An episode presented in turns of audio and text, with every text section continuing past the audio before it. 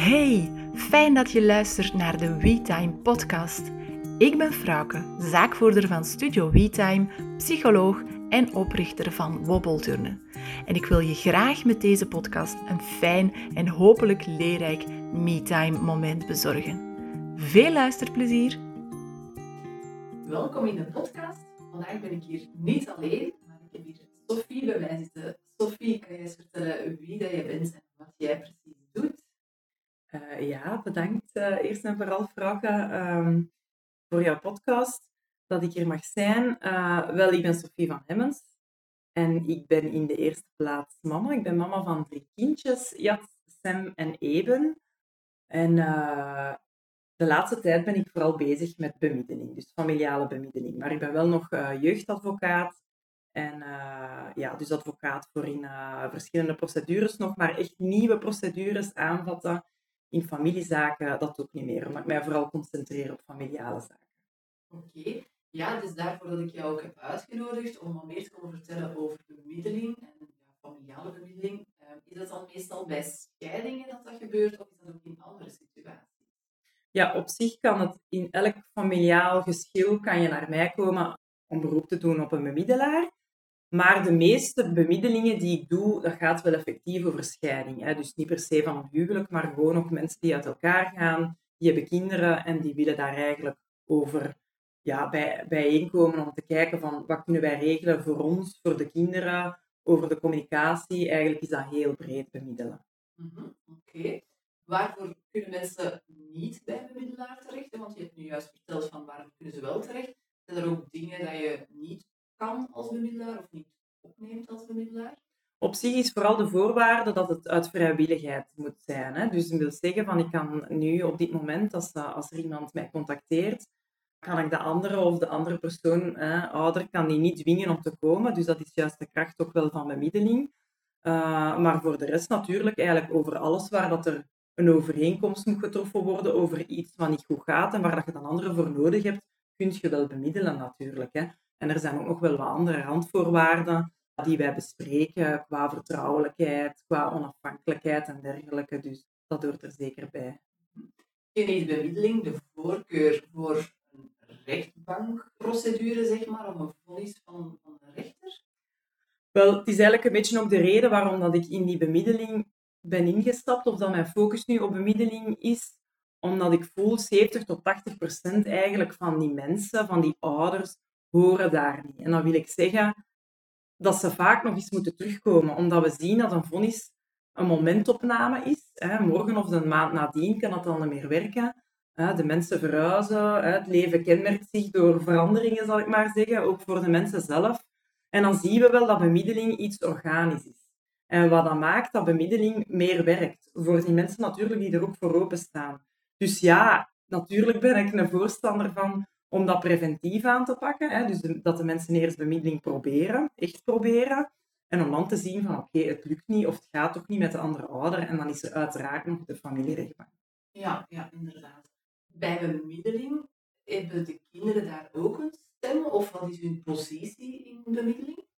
Uh, wel, dat is zeker mijn stokpaardje. In die zin uh, dat ze zeker een stem uh, bij mij mogen slash moeten hebben. Hè. Dus ik vind dat zeker belangrijk. Daarom spreek ik ze niet hè, per se. En, en, als het dat dan ook zo is, dan noem ik dat meer over ontmoeten eigenlijk, een, een spel doen en dergelijke.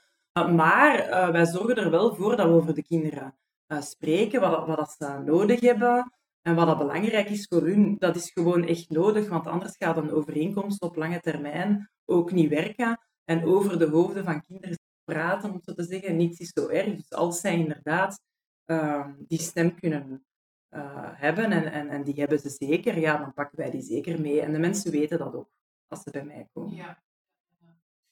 Stel, je, bent op dit moment, hè, neem even een koppel, ze zijn nog samen, maar ze voelen van oké, dit, gaat niet meer werken en we gaan misschien kiezen om met elkaar te gaan.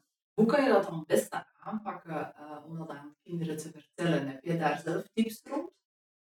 Ja, ook voor zulke zaken mogen ze ook komen. Hè. Dus stel je voor, ze gaan uit elkaar, ze hebben het nog niet gezegd. Dan uh, is dat zeker een punt dat we ook bespreken. Hè. Dus eigenlijk, hoe, hoe, sneller, hoe liever, zal ik maar zeggen. Tenzij dat het onderling ook wel kan. Maar dan is dat wel afgestemd op elkaar.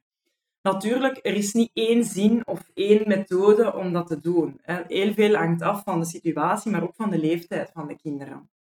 En um, uiteindelijk zal het inderdaad afhangen ook hoe dat me het vertelt en, en ook vooral hoe dat ze soms bij elkaar zitten. Hè. De ouders gaan het recht tegenover elkaar zitten, gaan samen zitten. Uh, hoe zijn uw kinderen? En dan vraag ik daar wel ook naar. Maar het zal vooral zijn in, in, in het begin belangrijk van die kinderen verwachten van oké, wat blijft er hetzelfde en wat gaat er voor mij veranderen? Dat we eigenlijk een keer nadenken over wat is hun leefwereld en wat is er voor hun op dat moment belangrijk. Want er zijn kinderen die direct weglopen, er zijn kinderen die vragen gaan stellen en zo verder. Dan is dat wel fijn om te af te stemmen met een andere, wat zeggen we?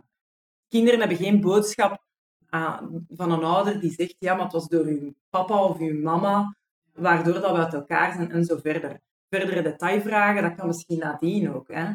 Maar ze zijn nog nooit beter geworden van een andere te culpabiliseren of de schuld te geven. Dat is een feit. Maar toch is dat niet onbelangrijk hoe dat men dat aanbrengt. Omdat als ik de kinderen spreek nadien, veel later in een verder stadium, komt dat heel veel naar boven. De manier waarop dat, dat is aangekondigd. Echt wel. Ja. dat klopt. Ik merk dat zelf in de praktijk als psycholoog ook wel. Hè, dat kinderen ja, dat moment dat dat verteld wordt, dat blijft u toch wel mm. bij. Dus dat is inderdaad een belangrijk uh, moment. De reactie is ook verschillend bij kinderen, ook afhankelijk van de leeftijd, zoals je zegt. Maar een aantal zaken begrijpen ze wel. Hè. Ik zeg dat ook vaak aan cliënten van, als bijvoorbeeld mama of papa verliefd is op iemand anders, dat is iets wat jonge kinderen ook al wel begrijpen.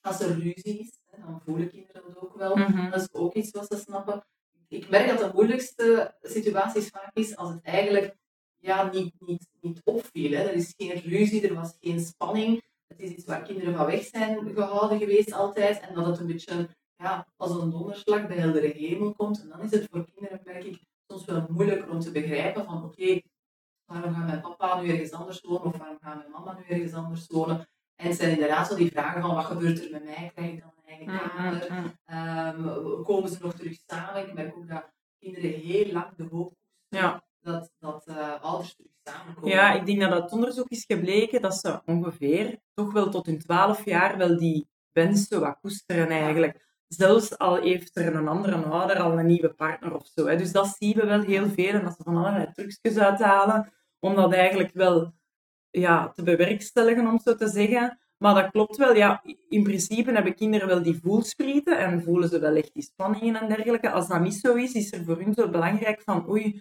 hè, wat verandert er voor mij, van school, van hobby's. En ja, afhankelijk hè, dus van die leeftijd hè, zijn ze echt al hun, hun eigen ik aan het ontplooien. En, en wat ik ook altijd zeg tegen de ouders, van hoe dat ze het uitleggen van kijk, hè, we zijn niet meer verliefd op elkaar of we hebben geen vlindertjes meer voor elkaar dat dat zeker niet is dat dat bij u is. Hè? Want voor ons is dat vanzelfsprekend, die onvoorwaardelijke liefde voor de kinderen.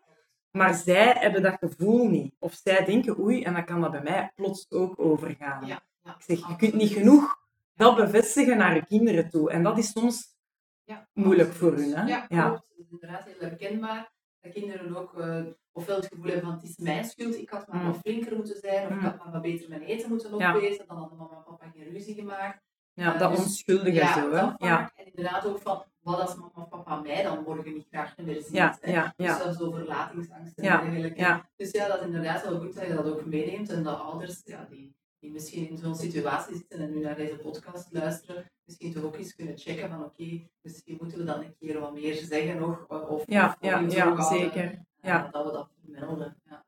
Als ouders dan in bemiddeling komen, dan wordt er dan een soort van ouderschapsplan opgesteld? Of hoe gaat dat juist in zijn werk? Ja, dat kan zeker. Hè. Dus een ouderschapsplan dat is eigenlijk een vorm van een bemiddelingsakkoord. Um, en dat kunnen we al dan niet gieten in een vonnis, zal ik maar zeggen. Hè. We kunnen dat neerleggen en dat kan bekrachtigd worden in een vonnis, als dat nodig is. Wanneer is dat zeker nodig, zal ik maar zeggen? Als ze gehuwd zijn. Soms zeg ik tegen de mensen, zijn jullie gehuwd of niet? En als het niet zo is, dan zeg ik, ah, dan hebben we wel wat tijd. En dan, dan is het iets gemakkelijker, bij wijze van spreken. Dat is nu niet zo. Maar de mensen hebben toch wel de neiging, uh, als ze gehuwd zijn, we moeten van dat huwelijk of dat statuut vanaf, we willen de scheiding. terwijl we eigenlijk bij bemiddeling, we kunnen de dringende zaken zeker eerst regelen. We kunnen ondertussen onze proefperiode doen.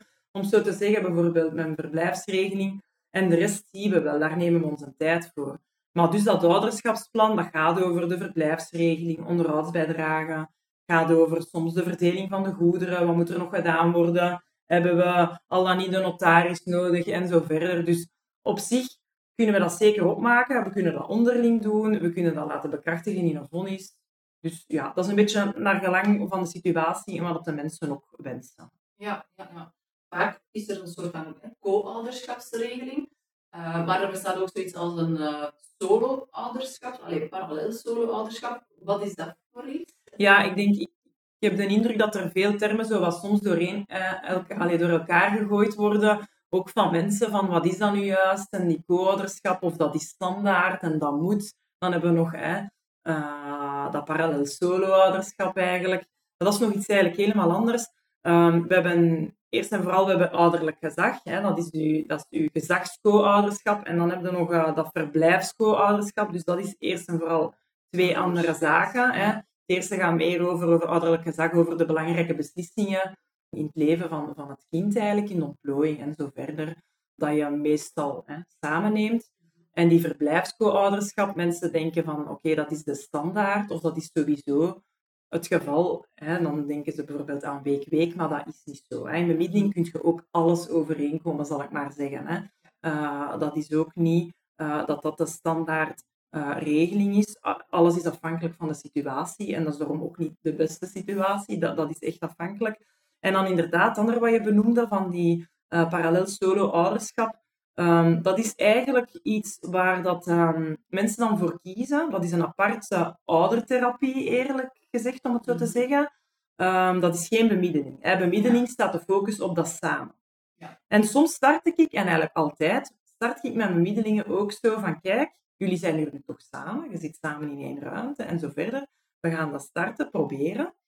En dan leg ik ook uit wat dat, dat inhoudt. Want inderdaad, dat samen zijn is voor veel mensen al heel moeilijk. Ja, Na een tijd lukt dat wel, bij de meesten lukt dat wel. En dan zien we wel, oké, we maken afspraken over communicatie, dat gaat.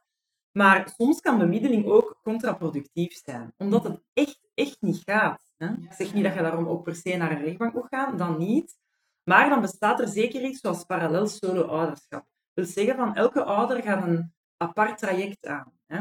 We, we gaan ons meer concentreren op die ouder-kindrelatie. We kijken niet zomaar hè, naar ouders, we gaan het hier samen doen, we gaan daar samen naar het oudercontact, we gaan samen uh, dat hier afspreken voor ons kinderen, samen de kalenderplanning doen en zo verder. Nee, we gaan echt kijken van wat kunnen wij doen, het ouder-kindrelatie. Dan hebben we een aparte therapeut dat eigenlijk zo'n traject doet. En dan is er minder uh, connectie met de anderen, omdat het gewoon niet gaat. Het kan zijn dat je na dat stadium ook wel terug naar bemiddeling gaat. Hè? Maar soms moeten even misschien ja, terug, ja, stapje terug. Of sommigen gaan zelfs niet bemiddeling, maar dan is dat wel een piste waardoor dat je zelf tot rust kunt komen zelf eigenlijk ja, niet meer altijd gefocust zijn op de anderen. En op de duur zitten meer wat er hè, beneden gebeurt met de kinderen. En dan, ja, ja, dan wordt de focus op elkaar gelegd ja, dan wordt het kind eigenlijk een beetje beginnen... En ook heel belangrijk, als die mensen daarvoor kiezen, als het niet gaat, dan is dat ook oké. Dat zijn ook goede ouders. Ik heb soms de indruk, en dat is dan precies tegen mijn winkel, maar dat is zeker niet zo, dat het allemaal te veel bemiddeling moet zijn. Dat is ook niet. Als het niet gaat, of dat de maatschappij dat verwacht. Als het niet gaat, zijn er ook andere mogelijkheden. En dat geef ik ook wel in het begin mee. Ja. Dus, ja. Ik zag op jouw website dat je ook kindbehartiger bent. Wat is dat juist? Ja, uh, zoals ik u al vertelde, hè, zo mijn stokpaardje van de kinderen, ik vind die daar eigenlijk heel belangrijk bij. Uh, ik ben ja, jurist van opleiding, dus ik ben geen psycholoog. En dan is de vraag, hoe gaan wij dat doen? Hè? Je moet er ook eerst en vooral veel over te weten komen. Dat is ja, via de opleiding familiale bemiddeling, via extra opleidingen. En in Nederland zijn de kinderen eigenlijk ook wel heel hard betrokken. Is het zelfs zo dat daar wel een ouderschapsplan eerst verplicht is om dan naar de rechtbank te gaan. Dus die stap, uh, daar zijn ze een beetje verder. Maar um, ook die kinderen worden daar heel hard betrokken en daar is een opleiding kindbehartiger. Dus eigenlijk samen met nog een andere advocaat uit uh, Vlaanderen uh, zijn wij die opleiding gaan volgen. En de bedoeling is eigenlijk om een luisterend oor te zijn voor de kinderen, een steunfiguur, en om dat dan eventueel te vertalen naar de ouders zelf. Omdat we soms zien dat de mensen, ja, of de ouders het gevoel hebben, moeten wij wel naar een psycholoog gaan, of moet ons kind naar een psycholoog gaan?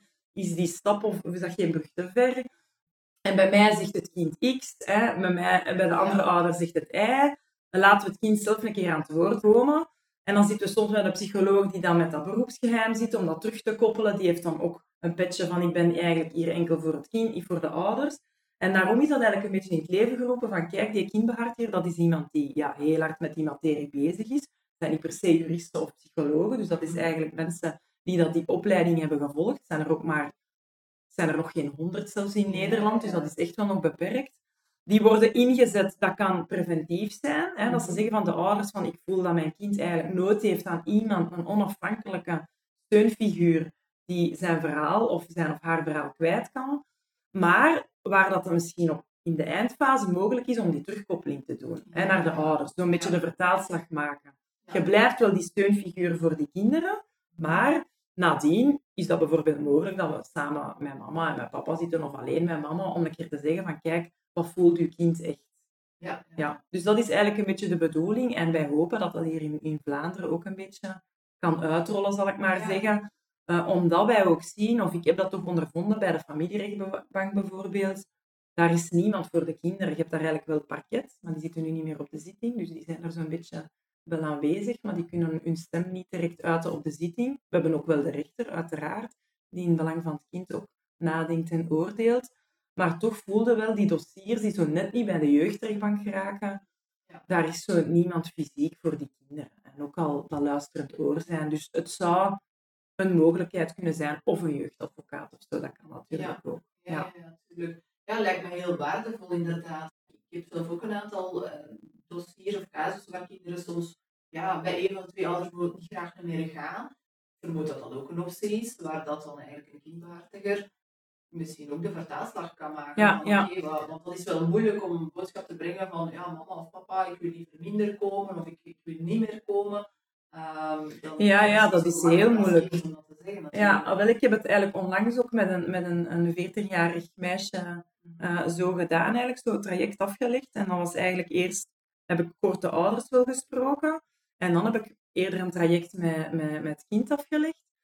En waar dat we nadien hebben besloten van, oké, hoe wil jij dat nu overbrengen? Je kunt de zotste ideeën niet bedenken, je kunt dat met een PowerPoint doen, wat dat zij willen. Je kunt een knutselwerkje maken, maakt niet uit. En dan hebben wij dat echt zo gedaan voor papa en dat is super mooi gevallen. Dat is echt, um, dat is echt goed gegaan. En dan nu hebben die terug echt contact, omdat zij echt heeft kunnen uitleggen wat dat zij voelde, ook doorheen die jaren, en dat dat helemaal niet is uh, de redenen die dat hij dan bedenkt. Of ook niet die onvoorwaardelijke liefde, die is er wel, maar daarom niet. Uh, ja, allee, dus, dus is echt wel, het kan zeker helpen, absoluut. Dat, die indruk heb ik toch wel. Ja. Als mensen bij jou terecht willen, hoe kunnen ze jou contacteren of hoe kunnen ze jou vinden? Ja, ze kunnen naar mijn website gaan, sophievanhemmens.be, en op zich staat alles daar wel in uitgelegd. En uh, uh, op zich hebben wij ook zelfs een podcast nog gemaakt samen met de psycholoog van Maas. Hebben wij Jonas, uh, jongeren en ouders ondersteunen na scheiding. Oh, dat was een insteek ook een beetje van, wij vinden de twee werelden, zo de juridische wereld en de psychologische wereld, staan nog wat te ver van uit elkaar. De ene weet te weinig van de andere en omgekeerd. En dat was zo'n beetje de insteek ook van de ouders en zo. Dus ja, eigenlijk uh, ook daar zullen ze misschien wat handvaten vinden uh, terugvinden of op de website. En anders sturen ze maar een mailtje, dus dat is geen probleem. Oké, super. Ik zal in de show notes zeker uw gegevens vermelden. En uh, hopelijk uh, hebben we een aantal mensen de weg kunnen wijzen of wat meer wijsgemaakt rond bemiddeling en echtscheiding. En hopen we dat alle situaties op een, op een goede, rustige manier voor elke partij kunnen afgehandeld worden. Ja, dat hoop ik zeker. Okay. Ik vond het super fijn om je hier te hebben. Bedankt, Sophie. Dankjewel, Frauke.